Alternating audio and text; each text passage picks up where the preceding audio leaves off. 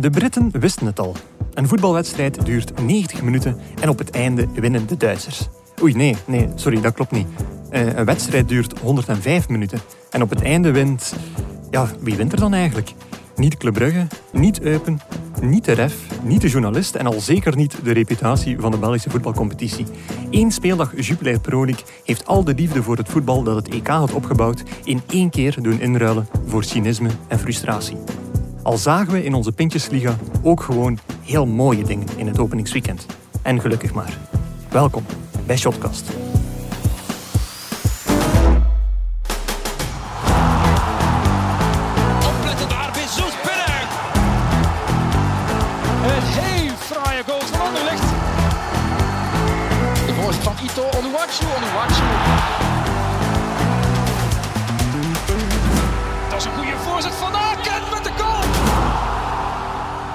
Janko. Dag Guillaume. Janko, we zijn hier met ons twee om, eh, om wat een speeldag eigenlijk te, te analyseren voor de eerste keer dit seizoen.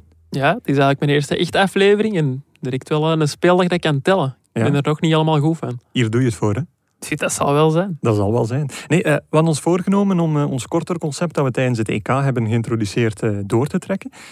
Maar denk je dat we al deze gebeurtenissen van de afgelopen weekend gaan kunnen bundelen in, in 40 minuten? Want tijdens het EK was het een half uurtje. Laten we voor dit 40 minuten pakken, maar blijft een moeilijke opdracht, denk ik. Ja, we gaan ons best doen, maar ja, ik betwijfel of dat gaat lukken. Oké, ça va. Goed. Eh, ja, onze reguliere shotcast hebben we altijd in, eh, in, eh, op de redactie. eh, nee, nemen we eigenlijk hier op in de studio liever. Terwijl het EK hebben opgenomen op de redactie met een aparte producer.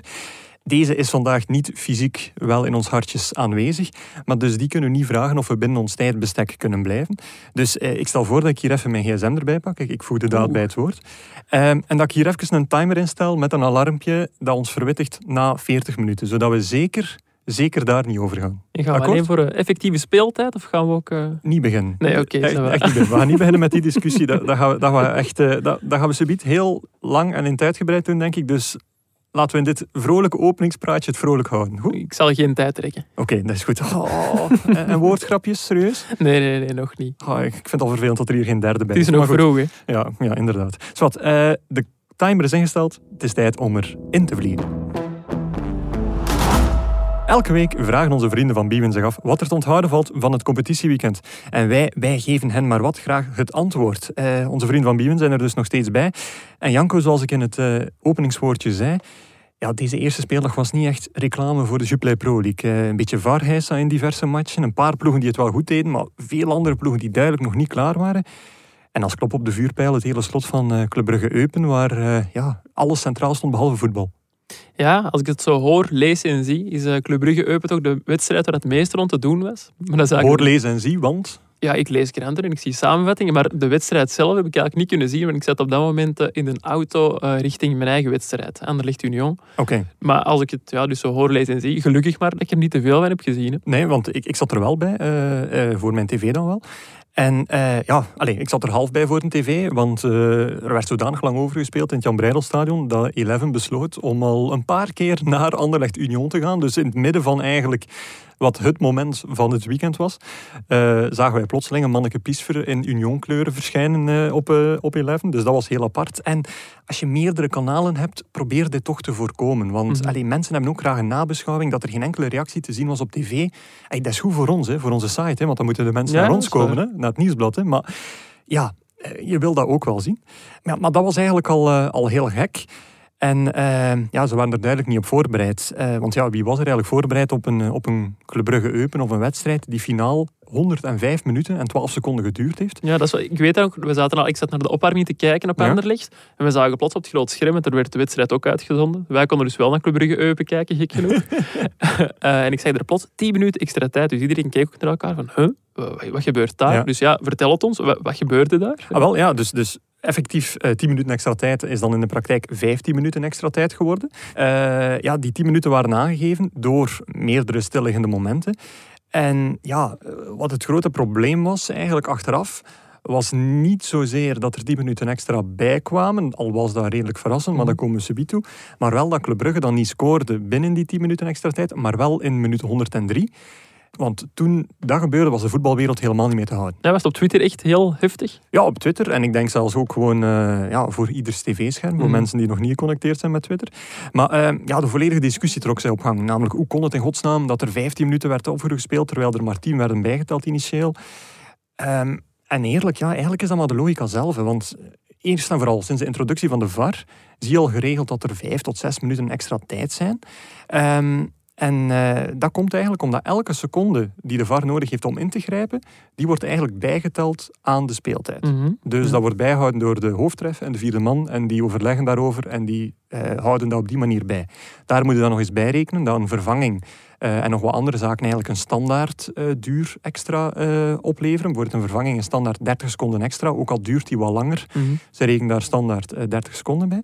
En daardoor werd het eigenlijk wel logisch dat je zeker omdat het in die extra tijd ook een paar keer stil lag, dat je eigenlijk uh, ja, 14 tot 15 effectieve speelminuten bijgekregen hebt. Ja, ik heb dus ook wel de samenvatting gezien en vooral de reactie van Philippe Clement daarna. Ik vond hij wel nog vrij rustig in zijn reactie, misschien ook wel omdat Club Brugge nog had gescoord, maar ik hoorde hem ook wel zeggen dat de keeper van Eupen tot wel drie keer toe krampen kreeg. Ja. Dat, dat heb ik nog nooit gezien, een keeper met nee, krampen. Dat is echt uh, helemaal nieuw. Ik heb het zelfs gisteren niet gezien, maar ik heb het maar twee keer opgemerkt. Dus ik dacht van, oké, okay, waar dat die derde keer vandaan kwam, uh, heb ik misschien gemist. Maar ja, zelfs twee keer is, is redelijk uniek in mijn ogen. Uh, Mats Rit zei zelfs dat er gerust meer dan 10 minuten initieel hadden mogen bijgeteld worden. Mm, Hij heeft in de praktijk gelijk gekregen. Uh, maar ja, wat dus de keeper van Eupen deed, Nouridine, ja, dat was, dat was eigenlijk veel te opzichtig om nog onder de lieflijke term tijdrekken te vallen. Want we durven dat natuurlijk zo charmant of slim Mhm. mm -hmm. of tactisch sterk vinden. Maar dit, dit, was eigenlijk een beetje te gortig. Uh, ja, wat dat helemaal deed in de tweede helft van de, van de match. En dan ook nog eens in die extra tijd. Uh, en Eupen had er wel een klein beetje een sport van gemaakt. Jens Koos bijvoorbeeld, die uh, had ook een blessure opgelopen. En rolde nog even tactisch terug op het veld om er toch maar voor te zorgen dat, hij, uh, ja, dat er toch nog even werd stilgelegd, de wedstrijd. Um, ja, en de conclusie was uiteindelijk van die 115 minuten die er volgens de klok gespeeld werden, zijn er op het veld, eh, of werd er effectief 58 minuten gevoetbald. 58 van de 115. Dat, uh, dat is wel heel weinig. Hè? Dat is wel heel weinig, uh, want uh, ja, die 58 minuten, dat is eigenlijk het normale gemiddelde van effectieve speeltijd voor een normale match die 90 minuten duurt. Dus eigenlijk is dat nog een extra argument dat uh, het helemaal niet onlogisch was dat er zoveel tijd werd bijgeteld.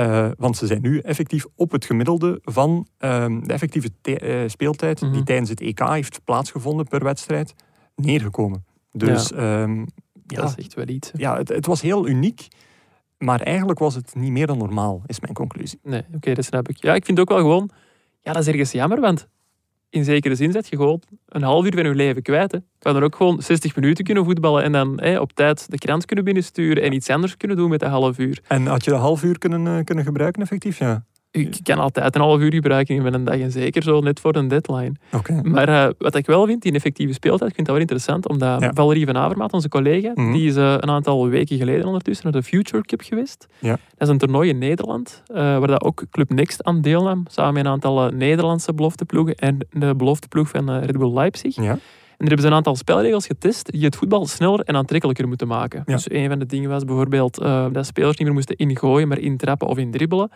Maar ook die effectieve speeltijd is daar getest. Dus ik denk dat er uh, twee keer 30 minuten werd gevoetbald. Dus ook Ja. ja. eigenlijk een uur, zoals uh, in Club Brugge Eupen. Ja. Zaterdag. Nee, wel, ja. Die effectieve speeltijd is gewoon een discussie die het voetbal verdient. Net zoals Mhm. de VAR zo'n discussie heeft gekregen, of de arbitrage in totaliteit. En twee keer 30 minuten voetballen is eigenlijk hetgeen wat dan mensen zeggen van oké, dat is wel de ideale vorm. Ehm, nu, die discussie gaat er niet komen. De UEFA en de FIFA hebben al gezegd van ja, dat, dat is niet voor mm, ja, de komende jaren. Dus eh, we moeten daar niet op hopen voor 2023 dat er daar effectief een keer een eh, testcase van komt, zoals Mhm. met de videoref er kwam. Maar ik zie toch ja, misschien hier en daar een klein nadeeltje, maar toch voornamelijk Ja, dus- voordelen aan, aan die zaken. Want ja, we stonden ook allemaal op de banken na Italië-België, toen dat er zeven minuten effectief gespeeld werden in de laatste twintig minuten. Dan viel dat uiteindelijk nog mee als je verleek met wat er gisteren gebeurd is.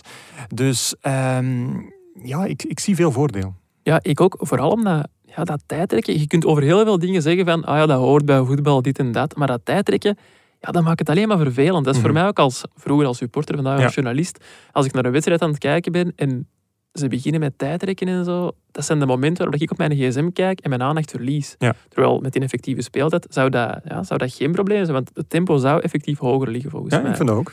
Eh, maar ja, inderdaad, zoals gezegd, allee, dat er van gaat komen, die kans lijkt me bijzonder klein. Mhm. Dus we gaan het hiermee moeten doen. Dus ja, zoals gezegd, ja, het was eigenlijk ja, volledig juist om die 10 minuten erbij Mhm. te tellen. Maar ik vind dat wel, dan moeten we dat wel ja, consequent overal Ja. gaan toepassen. Want anders ja, is Club Brugge wel bevoordeeld gisteren. Ja, want dat is ook wel waarom dat iedereen eh, bijna in lichter laai stond gisteren. Ja. Van, hè, dit gebeurt toch nooit? Ja, maar het is niet omdat nooit iets gebeurt dat daarom niet correct is. Dus Bram van Dries maakt daar gewoon, denk ik, in mijn ogen de juiste call. Eh, alleen moet de rest dan wel volgen. Net zoals bijvoorbeeld overtredingen in de carré eh, bij Mhm, corners, ja. dat dat nog veel te licht bestraft wordt. En dat er daar nog steeds een grijze zone is, een heel brede grijze zone, waar in elke ref eigenlijk een beetje een ander aanvoelen aan heeft. Mhm. Terwijl dit eigenlijk meer, ja, dit is feitelijker. En Ja, zwaar. Je kunt Ja. dat tellen, hè? Allee, je ja, wel, perfect je kunt het perfect tellen. En er heeft niemand eindelijk een keer gedurfd om die double digits te gebruiken in die extra tijd. Dus ik zou zeggen van, eh, we gaan het nog meemaken. Durf het dan ook geven. Ja, en ik hoop gewoon, dat kan ook een manier zijn om dat tijdrekken de wereld uit te helpen. Hè. Ja. Dat is toch uiteindelijk wat we willen, want dat is, ja, dat is Ja. belachelijk. hè. Of gele kaart te geven, maar een tweede gele kaart geven. Het gebeurt sporadisch een keer Ja. voor een keeper. In de Nederlandse divisie is het onlangs nog een keer gebeurd. Maar eh, ja, dat, dat, dat gaat veel minder gebeuren. Dus Nee, gewoon eerlijk tellen. Ja, effectief. Trouwens, nog een leuk weetje. eh, Als je op YouTube opzoekt van eh, de leukste tijdrek-momentjes. Eh, Weet je dan wie dat de eerste clip is die je in het eerste YouTube-filmpje te zien krijgt? Dus die eigenlijk de ultieme tijdrekker is, kunnen zo uit concluderen, volgens YouTube. Ehm, Kylian Mbappé? Eh, tegen België? Ja. Nee, eh, het is Verbouwheden. Ah, toch iets met België dan. Glenn Verbouwheden, eh, ten tijde van Zuid-Afrika, waar dat hij dus eigenlijk Ah ja, wacht. Eigenlijk is dat ook niet tijdrekken, want de bal is los. Dus eh, hij lokt eigenlijk dan eh, de, de tegenspeler in kwestie. En dan springt hij wel tegen hem en doet hij alsof hij toch wel een beetje geblesseerd is. Dus daar begint dan wel het tijdrekken. Ja, het is geen tijdrekken, maar ook gewoon belachelijk en vervelend. Hè. Ja. Sorry, sorry Glenn, als je Ja. nog eh, daar wil langskomen. Maar het is wel heerlijk om te zien en we praten er nu nog over. dat is waar, dat is waar. Over de match zelf, Club Brugge-Eupen. Ja, uiteindelijk 2-2. Ja, en heel veel meer heeft, heeft Club Brugge ook niet verdiend. Hè. We, kunnen- we kunnen veel praten over dat tijdrekken, maar sportief was het gewoon ook... En voetballend een beetje te weinig, te weinig dominant. Na rust zeer weinig gecreëerd. Eh, David Okereke op middenveld werd uitgespeeld. Vreemd. Ja, ehm, hij is ook al op de flank uitgespeeld. Dus ja, club weet duidelijk niet meer wat ze met hem moeten doen. Maar ja, zoveel miljoenen betaald van we gaan hem toch nog maar hier en daar eens een kans geven. Misschien kan hij dat dan wel. We moeten er iets mee. Hè. Ja, maar na eh Clinton Matta had hij eigenlijk het laagste passingspercentage. En dat is nooit echt goed voor een, eh, een middenvelder. Nee. Ehm, ja, het, was gewoon niet goed genoeg. En, en Eupen stond ook gewoon wel redelijk goed. eh, ondanks het feit dat ze geen enkele inkomende transfer hebben, geen geld meer krijgen van het eh, eh, moederbedrijf uit het Midden-Oosten. En ondanks het feit dat we ook wel de nieuwe coach, meneer Stefan Kreimer, ook niet echt de grootste adelbrieven kon voorleggen. Dus wel don Eupen. Ja, en ik ken nogthans iemand die Eupen op plaats 17 was het, denk ik. Was zitten in zijn voorbeschouwing. En wie zou dat zijn? Ik denk, jij, meneer Maal. Ah, oké. Dus gaat zo beginnen, effectief. Ja. Allee, we zijn hier echt al een kwartier. Ik, ik, ik had echt het gevoel van, we hebben hier een goede vibe. Tegen Lars moet ik altijd ook een keer eh, eh, eh, iets kunnen verdragen. Eh, Gert ook doet soms een keer uit de hoogte. Jij doet eigenlijk eindelijk even vlot mee. We zijn hier bezig met een serieuze podcast en dan ben je toch ook al steeds te doen. Wie, wie heeft je die manier Ik moet nageleerd? ermee oppassen, want eigenlijk, ja, de mensen moeten er weten, je bent eigenlijk baas. hè. Ja. Dus ik moet oppassen met dat soort steken. Dus we gaan gewoon doorgaan op die Stefan Kremer. Ja, en, en we gaan oppassen, hè? Beekman? Absoluut. Dat is wel een opvallend figuur. Ik hoorde op de radio ook wel dat hij er langs de zijlijn echt stond rond te springen en te Ik doen gezien, en zo. Ja. En vooral, het was keihard aan het trainen. Dus die man echt... eh, ja, hij had ook zo'n een, een, trainingsoutfit aan, dus Ja. geen kostuum. eh met jeansbroek eronder. dus- Charmant wel, hè? Ja, dat, ja dat, is, dat is wel charmant. Dat- Ja, dat is echt zoals... Ja, hij komt uit de lagere regio in Duitsland. Ik zou mij ook zo kleden als ik in een lagere regio in Duitsland zou. Effectief. dus ehm, ja, hij, was, hij was echt overenthousiast bijna. Maar het beste verhaal zit onder die sweater. Op, eh, op de borst van Stefan Ah, goed. Op de borst, staat er- staat een, eh, een tatoeage van Arminia Bielefeld. Oh, eh, grote fan waarschijnlijk. Of, Nee, nee, hij is een fan van FC Keulen. Dat is een, een ploeg die, ja, die iets verderop ligt. Dat is zijn favoriete ploeg. Maar hij ja, het, zou wel, bijna, het zou eigenlijk bijna een derby kunnen zijn Ja, Duitse normen. Inderdaad, maar hij, hij is dus geen fan van, eh, van Bielefeld. Hij is er wel coach geweest. En hij heeft toen, toen Bielefeld in derde klasse speelde, een uh, weddenschap afgesloten met een fan. En eh, die had gezegd van ja, als, als je naar tweede promoveert, Mhm, laat je een tatoeage zetten van, eh, van Bielefeld. Oké. En Kremer had gezegd van ja, we gaan nooit, eh, nooit promoveren. Dus ja, dat is goed. Maar ze zijn gepromoveerd en hij heeft woord gehouden. Dus ja, daar kunnen we alleen maar respect voor hebben, Fantastisch. denk ik. Ja, ik, weet ja, oké, respect voor het woord houden, maar misschien Ja. had hij niet echt die uitdaging moeten aangaan. Maar, maar coaches met tattoos, dat is nu toch wel heel apart. Spelers wel, maar zijn, er- zijn er verhalen van coaches met tattoos? Of, of stafleden, Goh. of, eh, of refs of zo? Ik kan voorlopig alleen maar aan eh Jorge Sampaoli denken, ex-bondscoach van eh, Argentinië. Die Ja. heeft wel vrij veel tatoeages op zijn armen. Maar ja, dat is wel iets dat we hoe langer hoe meer gaan zien in het voetbal. Hè? Want ja, al die spelers hebben tegenwoordig tattoos. Veel van die spelers zullen Ja. later coach worden. Dus we gaan dat wel meer zien. Ik vraag me alleen af hoe, ja, hoe serieus sommige coaches later gaan genomen worden. Ik duim echt voor Jonathan Léjard als, als latere coach. Ja, maar oké, ja, die heeft die schrijffout. Hè, was Ja. het? Winnie, Widi, Wiki heeft hij op... eh, Mocht dat mijn V zeggen trouwens. eh, in het Latijn wordt een V als een W Dat uitgesproken. weet ik. Maar ja, oké, maar we, we leren Latijn, maar we spreken geen Latijn. Hè? Nee, dat is waar. Dat is alleen niet voor pastoors en voor, eh, niet voor mij. En, Dus. voor, en voor het Vaticaan in zijn totaliteit. Ja, dat is, dat is waar. Maar is- in plaats van Veni Vidi Vici schreef hij Vini. Winnie, ja, dus Vini wijn Vici. eigenlijk. Dus En, van de wijn eh, over, zag en overwon, is de vertaling dan. Effectief. Maar Jonathan Lojar is niet eh, de enige speler met, belach- be- met belachelijke eh, tatoeages. Je hebt ook Uros Vitas, die eh, nog bij KV Mechelen een agent heeft En gespeeld. agent, ja, klopt. Die Centraal heeft eh, een, eh, een tatoeage van het gezicht van zijn vrouw op zijn ribbekast Oeh. staan. Maar je zou nog kunnen zeggen, oh, het kan nog mooi zijn als Ja. een mooie vrouw is. Dat is een belachelijk lelijke tekening. Als je dat ziet, gaat er volgens mij toch ook Ik eh, even dat zijn dat het een belachelijk lelijke vrouw Dat was. zou ik niet durven zeggen. Nee, nee, nee. Je hebt dan nog ook ja, Leroy Sané. Die heeft Ja? een gigantische tekening van zichzelf op zijn borst staan, maar echt in het heel grote. Apart. Allee, hoe ijdel zet je dan? Maar mijn favoriet is eh, Arthur Boruk. Ik weet niet of ik dat juist uitspreek. Dat is een Poolse naam, dat kan ik iets minder goed dan Latijn. Maar die heeft dus ehm, op zijn buik een tatoeage staan van een aapje dat voorovergebogen staat. En het poepenolletje van het aapje Is een zijn aanval? navel. maar als je dat ziet bij je trainer, ja, dan, dan neemt je toch niks nog serieus. Maar ook als ploegmaat, als daar plotseling naast Ja, staat. Wat, wat, wat moet je dan doen? Dan, moet je daar dan een opmerking over maken? Moet je, daar iets, moet je je vinger daarin steken? Allee, ik, ik, ik snap het niet. Wat, hoe, Ik zou, ik zou gewoon er niet te veel van zeggen, want volgens mij ja, moet je heel hard oppassen met mensen die zo'n tatoeages laten zetten. Oké. Ik vind wel fijn trouwens, ondanks het feit dat we uit totaal verschillende regio's komen, dat poepenolleke ook wel een, een gangbaar woord is in, in uw dialect. Universeel, hè, poepenolleke. Ja, Dat is de laatste keer dat ik dat kan zeggen, want ik denk dat mensen mij ook steeds minder serieus gaan nemen. ik denk het ook, maar dat is echt zo het, het woord dat mijn moeder daarvoor gebruikte om het toch zo'n beetje af te zwakken, omdat gat of reet of zo, Ja, dat is toch allemaal te Vies, volwassen. Ja. Dus dan, dat kwam wat makkelijker binnen. Snapte? Ik begrijp het volledig, maar ik ga het nooit meer uitspreken in de podcast. Oké, dat is goed. Goodbye poepenolleke. Eh er was natuurlijk veel meer dan Club Brugge Eupen. Eh, op deze openingsspeeldag heeft, eh, heeft van de G5 plus Antwerp, dus de, nu de zes grootste ploegen van het land, zowaar geen enkele ploeg gewonnen. En ze hebben samen wel geteld drie punten gepakt. Standaard en Genk hebben natuurlijk tegen elkaar gespeeld, maar zelfs zonder die match hebben de andere eh, G5-ploegen één punt gezamenlijk gepakt. Wat eigenlijk een dramatische, dramatische, dramatische start is voor, voor de titelkandidaten. Ja, ja. Alleen het schrijnend, ja. het is gewoon heel pijnlijk. En ik, ik hoorde onder meer Philippe Clement voor de eerste match, dus niet als excuus al zeggen van ja, we beginnen heel vroeg aan een competitie en zo. En dat is belachelijk, daar ben ik het ermee eens. Maar ik vind geen excuus. Want ja, die, die kleine ploegen die beginnen even vroeg. En die, Ja. die zijn wel klaar blijkbaar voor die eerste wedstrijd. En ja. die, ja, die zullen ook wel wachten op, op, op spelers die dan bij de grotere ploegen ja, op overschot zijn en nog goedkoper worden en zo. Want dat is ook het excuus dat de grote ploegen aanhalen Mhm. van ja, we wachten tot de transfers goedkoper worden en dit en dat.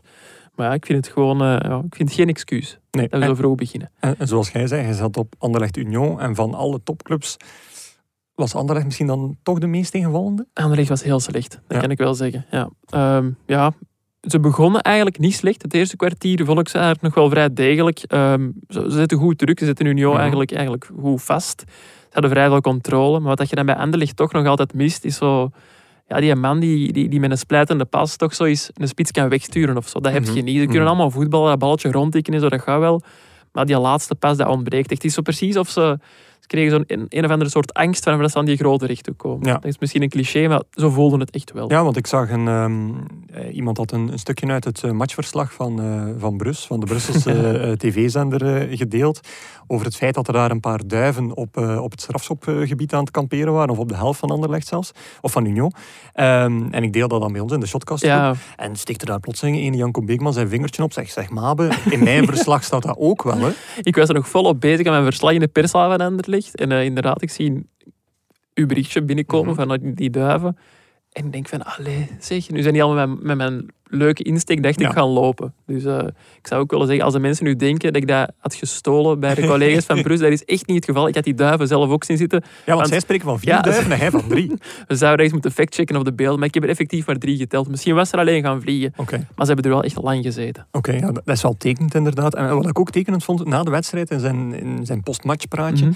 Eh, nam Hendrik van Krombrugge het woord fouten zo'n acht keer in de mond. Eh, en dan waren die fouten altijd doelend op fouten van zijn eigen ploeg. Eh, ja, dan zeg het wel allemaal een beetje, denk ik. Ja, effectief. Allee, er zullen wel meer fouten gemaakt zijn.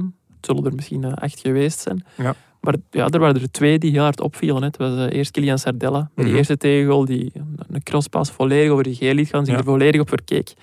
Dan uh, Lapoussin de assist voor de eh, 0-1 liet geven. Ja? En dan zijn vervanger, Amir Murillo. Iemand Ja. met iets meer ervaring. Toch de rechtsback van Anderlecht. Ja, die ging eigenlijk nog harder in de fout bij de 0-2, bij de 1-2, sorry. Ja. Eh, ja, die, die gaf een super slechte terugspeelbal op uh, Harwood Bellis. Ja. Maar dat Dante van Zijr, vriend van de show, uh, Undaf opnieuw uh, een Ja. goal kon aanbieden. Nee, Dus, een- Heel pijnlijk, hè, jezelf zo in de voet schieten. Direct throwback naar het EK. Eerst en vooral al met die, eh, met die tattoos van daarnet. Slovaken, dat was ook een ploeg volledig met Mhm. Tattoos. En nu ook weer, want die eerste speeldagen, of die eerste matchdays, was de rechtsbak ook een beetje de vervloekte Ja, positie. Maar Ik herinner mij zelfs nog een Rus die met zijn eh, kersen tegen een, eh, tegen een doelpaal eh, terecht te komen was. Dus, eh, dus dat was al... ja, het, het EK stelt zich gewoon, het trekt zich gewoon door. Eh, nu, ehm, je zegt daar Dante van Zijr.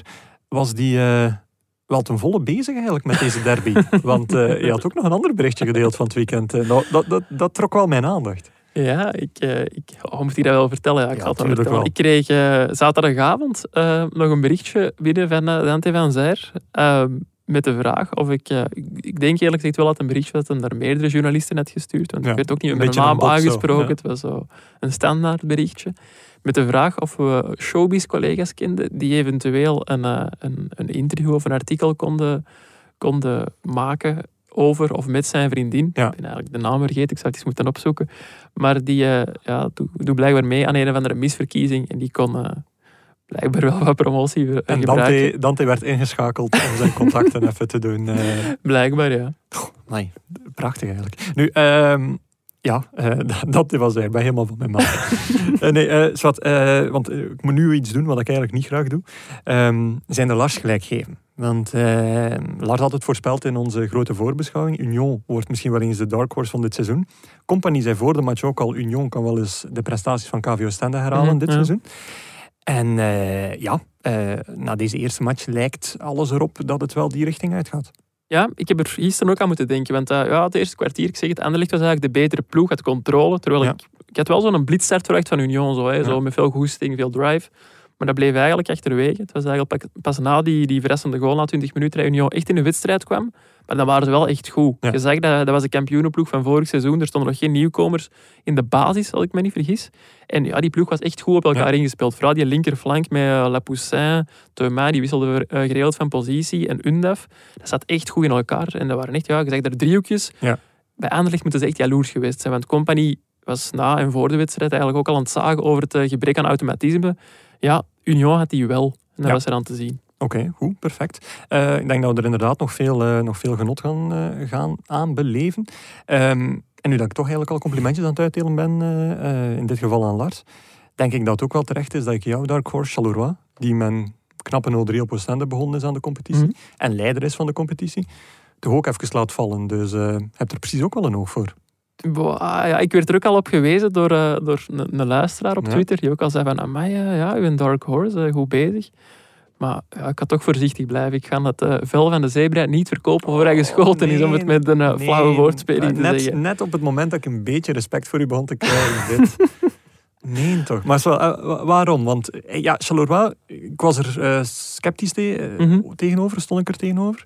Nog steeds wel een beetje, maar 0-3 gevleid of... of eh, Gevleid zou ik ook niet zeggen, want het zat niet slecht in elkaar. Maar het had ook gewoon ja, anders kunnen aflopen. Oostende was in de openingsfase beter. Had gemakkelijk kunnen scoren. Het had, Mhm. eh, had ook een eh, hoger aantal expected goals dan Charleroi. Zegt ook wel iets. Charleroi hoor was graag. heel, heel efficiënt Ja. tegen Oostende. Maar je ziet wel dat er iets staat bij Charleroi. Zoals ik al zei voor, voor de, de match.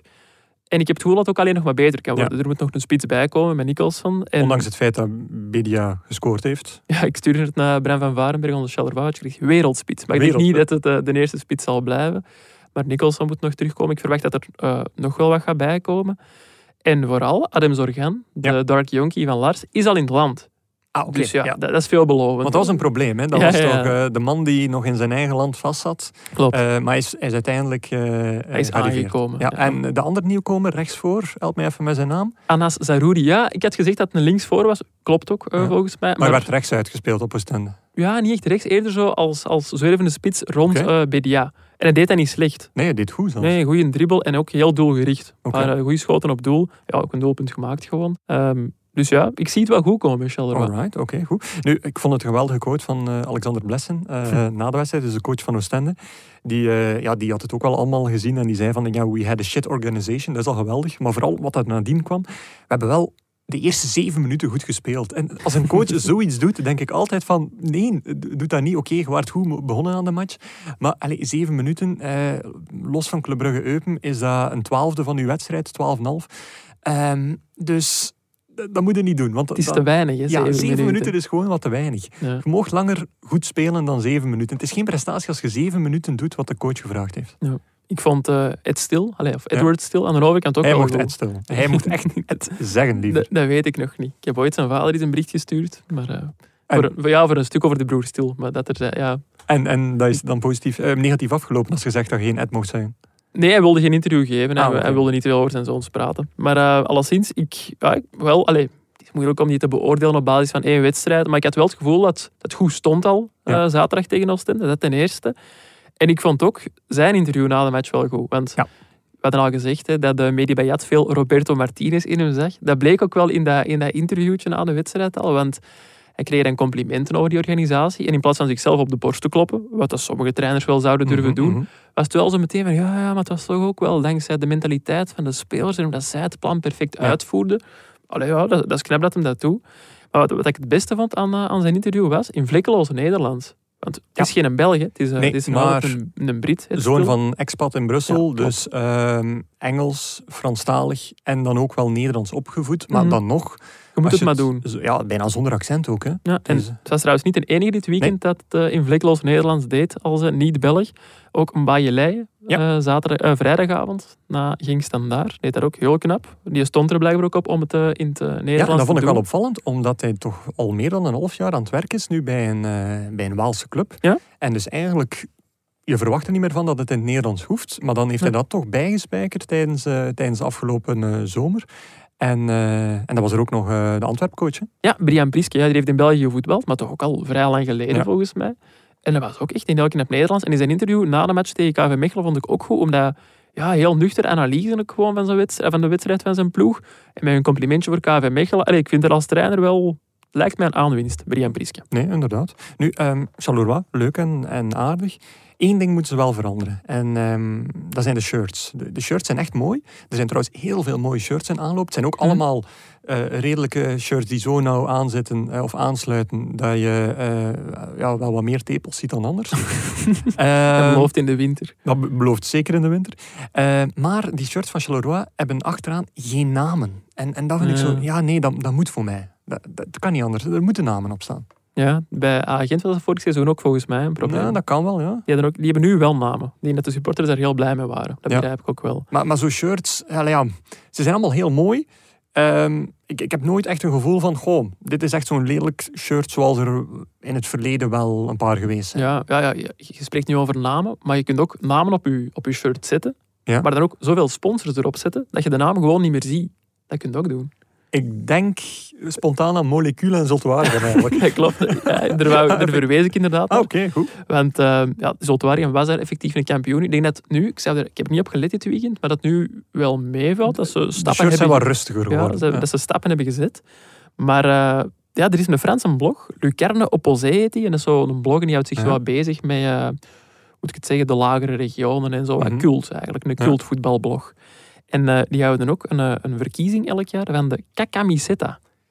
Eh, het shit shirt Ja, eigenlijk. het, shit shirt. Dus het, het, lelijkste shirt van het jaar. En in eh, 2017 was uh, Zulte Waregem een van de genomineerden. Ja. En de motivatie van de blog luidde dat de spelers van uh, Waregem leken op wandelende sandwichborden. Oh, dus nee. die stoorden zich ook nogal hard ja, aan, aan de, ja, die overvloed aan, eh, aan, aan En, gewonnen, gewonnen uiteindelijk? Nee, het is uiteindelijk Girondin de Bordeaux dat aan het eh, langste eind heeft getrokken. En hoe zag hun shirt eruit? Ja, dat waren van die... Dat leek zo op een postkaart. Er stonden precies zo Oei, tekeningen op van... Ja, was dat de skyline van Bordeaux of zo? Maar ook lelijk alleszins. oké, goed. Lelijk dus. Swat, eh, de shirts eh, achterwege laten, want wij ja, we zitten hier nog steeds met een tijdslotje. Ik durf al niet kijken naar onze timer, ik heb het gevoel dat hij elke moment al kan afgaan. Maar we hebben dus een tijdslot eh, in die mate zelfs dat we niet uitgebreid kunnen babbelen over ja, de bal de, die Cyril Dessers tegen Standaard in zijn noten heeft gehad.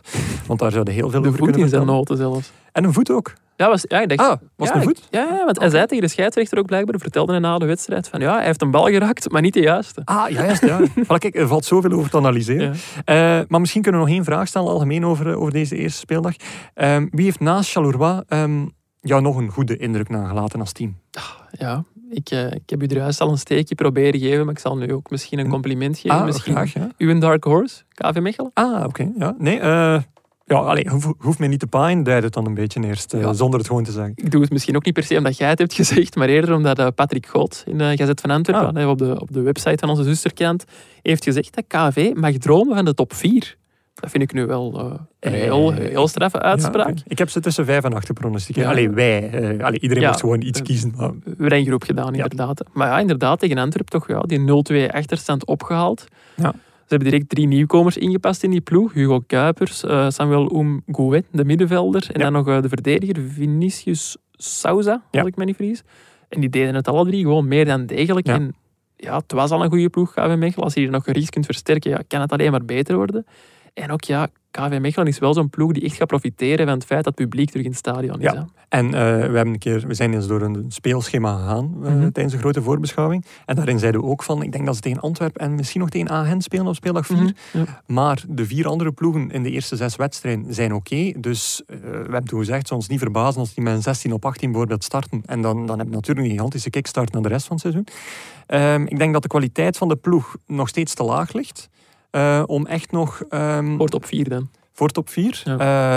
ik denk dat de staf eh, uitmuntend werk doet. eh, en altijd wel een goed plan heeft. Ook nu weer tegen Antwerpen, waar dat Prieske wel een idee heeft. eh, hoe Ja. dat hij exact moet spelen. Maar ze hadden dat heel goed met de eh, hoge druk. En ook met de positionering van de aanvallers. Had eh, KV Mechelen dat heel goed eh, belet. Eh, maar ja, eh, ik denk dat het net iets te weinig is. En, en nu dat toch al Antwerpen valt en Prieske. ehm, ik denk dat het niet lang gaat duren eer dat Engels in de ploeg gaat komen. Nee. Want eh Sek was bijzonder matig. Eh, natuurlijk wel een beer in de duels, maar voor de rest eh, iets te weinig. Dat kan Engels ook probleemloos opvolgen, Ja. opvangen. En ja, Prieske en zijn ploeg en ook de kwaliteit daar, ja, dat moet allemaal nog een beetje, nog een beetje groeien. Ja. Terwijl je voor- bij de overkant dan ziet dat Ferdi Druif wel volledig rijp aan het seizoen is begonnen. Ja, Ferdi Druif. Goeie naam ook, hè? Ja. En, en mijn woordmopje ga je gewoon negeren. Heb, ah, oh my, ja, het is heel vroeg nog. Hè. Ik heb volgens mij nog naloe te weinig gedronken van de morgen. Maar goed, ja, nee, maar eh, ja, drijf en dergelijke. Ja, dat zijn dan wel zo spelers waar dat je toch ook graag naar kijkt. En zeker ja, twee goals in drie minuten. Daar moeten fans ook bij zijn bij zo'n moment. ja, en Antwerp zit trouwens met een, eh, een druifcomplex. Ah, is dat? Ja, ik was eh, deze week naar de, de Vierkante Paal aan het luisteren. Dat is eh, de Antwerp-podcast, waarin dat ook eh, vriend van de show van ons, eh, Hans Red Magic, Meneer Red Magic, ja. eh, mee achter zit. En die had het voor de wedstrijd al, dus uh, Druif had nog geen twee keer gescoord tegen Antwerpen op dat moment, al over die eikel van een druif. Dus Oh, die had blijkbaar problemen met die mensen. Ja, omdat eh, twee jaar geleden, in de voorrondes van de Europa League, is eh Antwerpen uitgeschakeld door Ja. AZ. En het was Ferdi Druif die toen net in de, denk de 96e minuut de 1-1 maakte voor AZ. Ai. En voor een verlenging zorgde waarin Antwerpen alsnog ten onder ging. En nu weer. Ja, nu weer twee goals. Dus ik denk dat meneer Druif niet zo'n vriend van de show gaat worden bij de vierkante paal. Nee, je zou zelfs een beetje kunnen durven zeggen dat dat redelijk zuur is. Oh, joh. Zure druif. Ik stel voor dat we naar het volgende blokje gaan. hè. Ik stel ook voor dat we naar het, het, het volgende blok gaan, want wij zijn hier helemaal mee. Tijd om over te gaan naar de wisselrubriek. Ik zie, ik zie wat jij niet ziet. De ogen van de shotcasters staan altijd in havikstand. Wat hebben zij gezien dat niemand anders zag en vooral kunnen ze het verklaren? Dit is Ik zie, ik zie wat jij niet ziet. Eh, Janko, een, eh, ja, een rubriek van weleer is dit, die we nu Ja. een beetje opnieuw de nodige eh, ja, vuur in onder gat eh, schenken, zodat hij opnieuw begint te leven. Ehm, ik zag dat iedereen mooi gebruind was in deze eerste speeldag. Dat, dat valt altijd keihard op na Ja, deze... Na, typisch zomer. Zo, ja. zo na de zomer. Ehm, maar ik zag ook iets in KV Kortrijkse. Ik weet niet of jou daar iets is opgevallen? Ehm, nee, zo aandachtig heb ik die wedstrijd niet gezien, dus vertel het me. Nee, ah, wel kijk, ehm, Teddy Chevalier en Faiz Sela- eh, Soleimani, Salami, ik zei Soleimani, Het is heel vroeg, hè. Dat ontbijt ligt ja. nog Amai, de. Eh, ja, Olympische Spelen, ik ben al bezig van vijf uur, vriend. Oh, respect. Hè. Maar dus, eh Soleimani en Chevalier, die vieren de doelpunt op een, op een nogal aparte wijze. Zo, de armen flapperend naast het lichaam en zo de borst Ah, vooruit ik en zo lopen. samenvatting. Ja, dat is wel Christophe Daan, vreemd. ja, Christophe kwam dan ook erbij.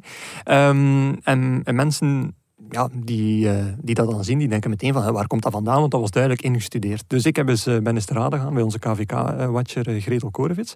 En die zei eigenlijk van ja, er gaat eigenlijk een filmpje, er doet een filmpje de ronde in de kleedkamer van, van Kortrijk. En ehm, ja, dat is plotseling de hype om, het, om alles wat dat ze doen, of alles wat dat ze goed doen, het op die manier te vieren. En dat filmpje bleek dus effectief een, ehm, een video te zijn van MMA-fighter Conor McGregor, Ja. die ook altijd zo opkomt als hij eh, een kamp moet eh, beslechten. Dus eh, ja, Origineel. ja, McGregor is het dus eigenlijk geland, niet alleen in Kortrijk, maar ook daar in de kleedkamer. En heeft blijkbaar iedereen daar aangegrepen. Ja, ik volg dat niet echt zo, de MMA. Ik heb wel onlangs zo'n fragment gehoord van die Conor McGregor, Mhm. waarin dat hem zo'n tegenstander, ik weet niet meer wie, zou ik eens moeten opzoeken, ehm, zo aan trash talken was. Ja? Ja, ik vind het allemaal... Ja, het is niet echt mijn ding. Dus zolang dat ze die trash talk achterwege laten, is het voor mij oké. Als het bij die belachelijke gebaren houden, dan kan ik ermee leven. Oké, wauw. het is eh, precies niet uw, uw, uw vriend, die, die sporter en die sportak in zijn, eh, in zijn totaliteit. Ja, nee, Lars is hier niet, dus ik probeer ook zoiets cynischer te zijn. Ik Ah, moet dat een dat? beetje compenseren. Ja, dat is wel waar. Ja. Ik, ik kan hier vrolijk ademen. Ik ben, ik, ben hier, ik ben hier gelukkig en ik weet niet hoe dat komt eigenlijk. We gaan dat zo houden. We gaan dat zo houden. Eh, denken we nog aan andere gekke juichgebaren in eerste klasse die spontaan naar boven komen? Goh, gekke juichgebaren. Ja, ik moet dan altijd denken aan die, die IJslandse ploeg. Maar ja, die spelen in België natuurlijk. Belgisch ja. houden, ja. Ja, het juichgebaar in België, dat blijft voor mij toch zo François Sterkelee. Het juichgebaar zelfs. Ja, dat is, toch zo iconisch, zo, hè? met het handje rond het oor, dat Luca Toni gebaar. Ja, oké, maar je hebt ook wel wat iconische juichgebaren van vroeger die natuurlijk niet zo gek waren, maar eh, die er eerder ingetogen waren. Ik ben nog jong, hè. Dat is waar, maar Sterkelee is dan ook wel ja, een een fake uiteindelijk. Dat is overgenomen van Luca Dat is overgenomen, maar niks slecht over François Sterkelee. Nee, oké. maar Het juichgebaar is ook wel dik oké. Ik denk eigenlijk spontaan terug aan zo, ehm, dat treintje van Maxime Lestien in die overwinning van Club Brugge tegen Anderlecht. Die dat zo inzette. Toen dacht ik ook van, goh, waar komt dit plotseling vandaan? En eh, ja, toen zat Lestien even aan de grond en dat is eigenlijk nu ook niet. Dat is niet meer gebeterd sindsdien. Dat is niet meer gebeterd eigenlijk. Dus altijd beschaafd en een beetje beleefd blijven in het juichgebaar. Dat is eigenlijk een beetje de conclusie van dit brokje. Ik zie, ik zie wat jij niet ziet. Ja, of eh, nee? Ja, ik kreeg net een berichtje binnen van eh, Stijn van Bever. Ah, oei, oké. Over... ik, we hebben het nog Over gehad. juichgebaren. Nee, over iets helemaal anders. Dat, eh, dat, dat volgens mij nog uit ter sprake Ah, des te beter. Gekomen. wel, maar dan zal ik, eh, dan zal ik zo snel mogelijk, eh, als de wind mij kan dragen, overgaan naar eh, het volgende blokje. Het event van de week. Onze vrienden van Bwin zijn wel heel onbehulpzaam. Niet alleen dienen wij hen wekelijks te vertellen wat ze in het weekend gemist hebben, ook moeten wij hen wijzen op het event van de aankomende week. Janko, het event van de week is eh, een nieuwe rubriek waarin we een beetje kalendergewijs er altijd één leuk dingetje uithalen. En eh, ja, de voetbalgoden zijn geprezen, want we moeten niet op zoek gaan naar een match in de Gold Cup, niet op zoek gaan naar een B-wedstrijd op de Olympische Spelen. Eh, maar we hebben gewoon een Pro League-wedstrijd. Ja, Dankzij we- de weergoden. Beerschot, Cercle wou het net zeggen, de weergoden hebben ons geholpen. Het was eh, zaterdagavond verschrikkelijk hard aan het regenen. Ja. Ik had hier opgeschreven in het Antwerpse, maar eigenlijk niet alleen in het Antwerpse. Hebben ze gemerkt eh, ten zuiden van de taalgrens. Ja. Maar ja, dus de wedstrijd tussen eh, Beerschot en Cercle Brugge is na 55 minuten eigenlijk ja, eerst tijdelijk stilgelegd, omdat het te hard aan het regenen was en het veld onbespeelbaar was geworden. Ze hebben er nog een half uurtje gewacht om eh, daarna opnieuw te gaan proberen, maar bleek dat het veld echt nog altijd niet in orde was. Eh, en een groter probleem was ook dat eh, ja, er werd nog heel veel regen voorspeld. Het heeft nog heel veel geregend, effectief daarna. Dan hebben ze beslist om die wedstrijd defini- definitief te staken en Ja. dinsdagavond, dus morgenavond, verder te spelen. Oké. Wat ik mij wel nog afvroeg, Ja. het was 0-1, ze hadden 55 minuten gespeeld. Wie mag er nu dinsdagavond meespelen? Mag Ah, wel. Peter Maas nu zeggen van, ah ja, ik ga, eh, ik ga een heel andere ploeg opstellen, want ja, het is nog maar 35 minuten, ik ga hier alles op de aanval zetten. Mag dat nu of niet? Ah, wel, en dan vraag ik mij af, Wat heeft Stijn van Bever u net gestuurd? Want, Ik was het net nog aan het ontcijferen, het was een vrij lang bericht. oh, Zal ik het, zal ik het voorlezen? eh, lees het maar voor. Maar mm, het logische zou, zou ik vinden van ja, de match is gewoon stilgelegd. Dus je mocht niet beginnen met een volledig nieuwe line-up. Nee, dat lijkt mij inderdaad ook Oké, logisch. maar wa- wat zegt de woordvoerder van de Pro League? Janko, zie hieronder. Op het wedstrijdblad kunnen alle spelers gekozen worden die op het moment van stopzetting van de wedstrijd ingeschreven waren op de SSL-lijst, ongeacht of deze op het oorspronkelijke wedstrijdblad stonden. Uitzondering hierop zijn spelers die reeds gewisseld of uitgesloten werden tijdens de wedstrijd. Deze kunnen niet meer op het wedstrijdblad verschijnen. Spelers die op het veld stonden op het moment van stopzetting kunnen ook niet als wisselspeler op de bank worden gezet bij hervatting. Dus Oh. volgens mij wil dat zeggen, Cercle Brugge had één wissel gedaan. Senemi Janke was na 36 minuten al naar de kant gehaald. Die is dus oud. Die Ja. mag thuis blijven morgen. En dus als bijvoorbeeld... Stond Holzhauser bijvoorbeeld nog op het veld? Denk het wel, ja. Ja, stel nu dat er in een nieuwe opstelling van Beerschot eentje zou zijn zonder Holzhauser, mag die ook niet ingezet worden als wisselspeler. Nee, effectief. Maar je mag dus effectief gewoon, zelfs, zelfs uit je volledige kern, meer Ja. dan de 18, mogen je eigenlijk spelers Ik kiezen. denk dat dat wel in het voordeel is van Beerschot, want ja, bijvoorbeeld gelijk Koulibaly, toch Ja. een sterkhouder bij Beerschot, die zat niet in de selectie. Omdat hij nog niet super was was, ik, inderdaad zo twijfelachtig, eh, wist Koen Frans, Beerschot-watcher mij te vertellen. Ja. die kunnen ze misschien wel recupereren tegen morgen dan. Amai, ik, dat vind ik wel een heel rare regel eigenlijk. Ja, dat is Allee, een beetje ze, ze worden hier nu toegepast, maar misschien moeten we wel een keer nadenken om dat eh, toch een beetje licht te veranderen als de match binnen een bepaald aantal uur of dagen na de oorspronkelijke match gespeeld wordt. Misschien wouden ze dat tegen de winter nog doen. Het is ook wel typisch Belgisch om nu in de zomer wedstrijden te moeten gaan uitstellen door de Ja, weersomstandigheden. dat is waar. Dat is waar. Eh, nog iets leuks over de- deze wedstrijd eh, verder? Eh, jij? Nee? Eh, Nog niet. Ik hoop dat dat morgen nog komt in die 35 minuten. Ik heb wel gemerkt, eh, eh, ja, er was nood aan wat duiding dan, eh, Mhm. uiteraard, eh, na deze wedstrijd. En ik zag plotseling de match delegate is voor de camera komen. Dus ik hoop dat dat, dus elke wedstrijd heeft een match delegate die Mhm. dat soort zaken in de gaten moet houden. Dus ik hoop dat dat ook een beetje het begin is van betere communicatie rond arbitrage, rond eh, Ja. matchbeheer. Want dat is de eerste keer in mijn leven, denk ik, dat ik effectief een match delegate op tv zie, die meteen eigenlijk de nodige, correcte, juiste duiding komt. Oh. Oh nee. Oh nee. Oh nee. Oh nee. Ik kan hier op de grond liggen rollenbollen en tijd rekken. Oh, is al bezig, zie ik. Oh, nee. Ja, oké, ja, de timer, dan moeten we ja, een klein beetje extra time. Mag ik nog één ding zeggen over, nog over één die ding matchdelegate? zeggen, Want je zegt nu al van, ah, dat kan het begin zijn van betere communicatie en zo. Ja, voor mij is dat het bewijs dat we helemaal niet goed communiceren. Want het is de scheidsrechter dat die beslissing neemt en iemand anders moet komen uitleggen waarom. Eh, Dat is toch heel vreemd? Ja, maar, het is, ja, maar er is wel een getrapte, getrapte verantwoordelijkheid. Dus iemand kan die beslissing wel nemen, maar dan wordt dat uitbesteed dan van dit is er genomen en dan van daaruit vertrekt weer de communicatie. Net zoals ehm, je kunt ervoor pleiten om de scheidsrechter meteen eh, na een wedstrijd een bepaalde fase te laten komen eh, eh, beslechten. Oftewel kiest je voor iemand gelijk Frank de Bleker, die dat dan ook best meteen na de wedstrijd doet en niet een dag nadien in een filmpje.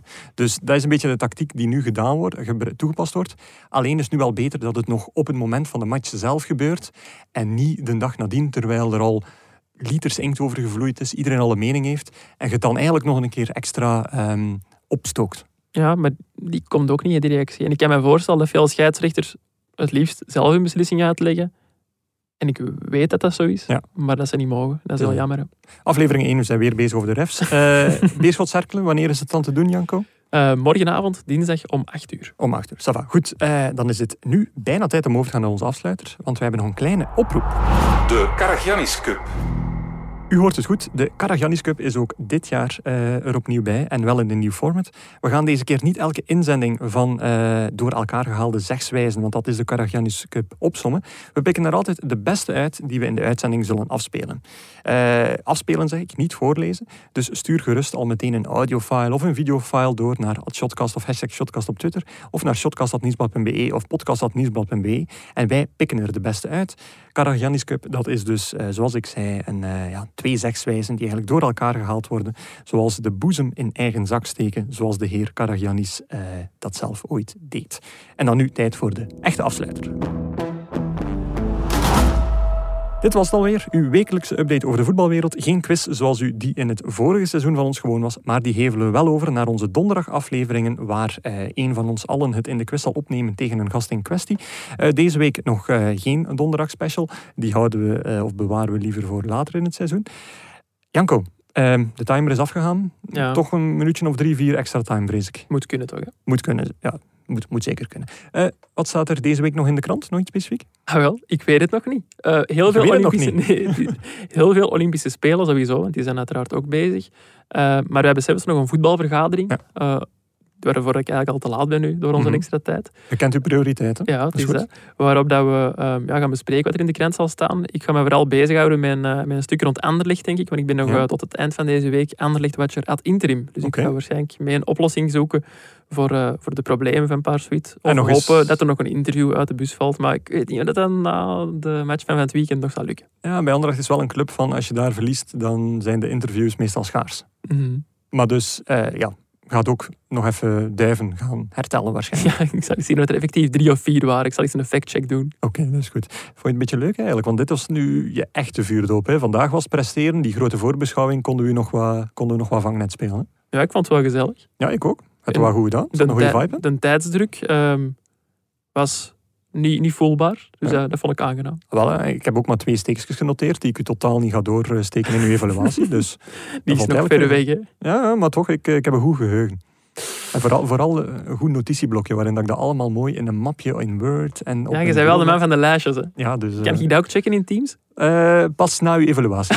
Dan kun je kiezen of je het aanvaardt of, eh, of er tegenin gaat. Ça va? Dankjewel, meneer Mabe. Ik ga vergaderen. Oké, dat is goed. Eh, de, van onze luisteraars, wie Megascore mist en zich toch graag waagt aan een gratis prono over de, de JPL of gewoon de Jupiler Pro League in zijn totaliteit, of het voetbal in zijn totaliteit, die kan nog steeds altijd terecht bij bchamp.bwin.be, uitgegeven door onze vrienden van Bwin, de exclusive bettingpartner van de Pro League.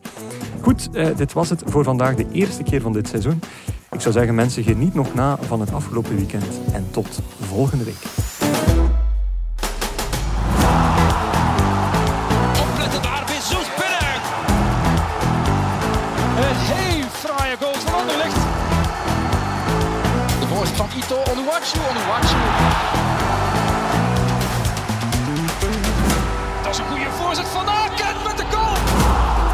Zin in nog een shotcast? Beluister dan onze Actua-afleveringen op maandag of onze interviews met spraakmakende gasten in onze afleveringen op donderdag. Bij het Nieuwsblad kan u ook nog terecht bij onze wielerpodcast Koers is van ons, onze politieke Actua-podcast Het Punt van Van Impe of onze crimi-podcast De Stemmen van Assise. Ook Slimmer Leven en ons magazine Billy kan u niet alleen lezen, maar ook beluisteren.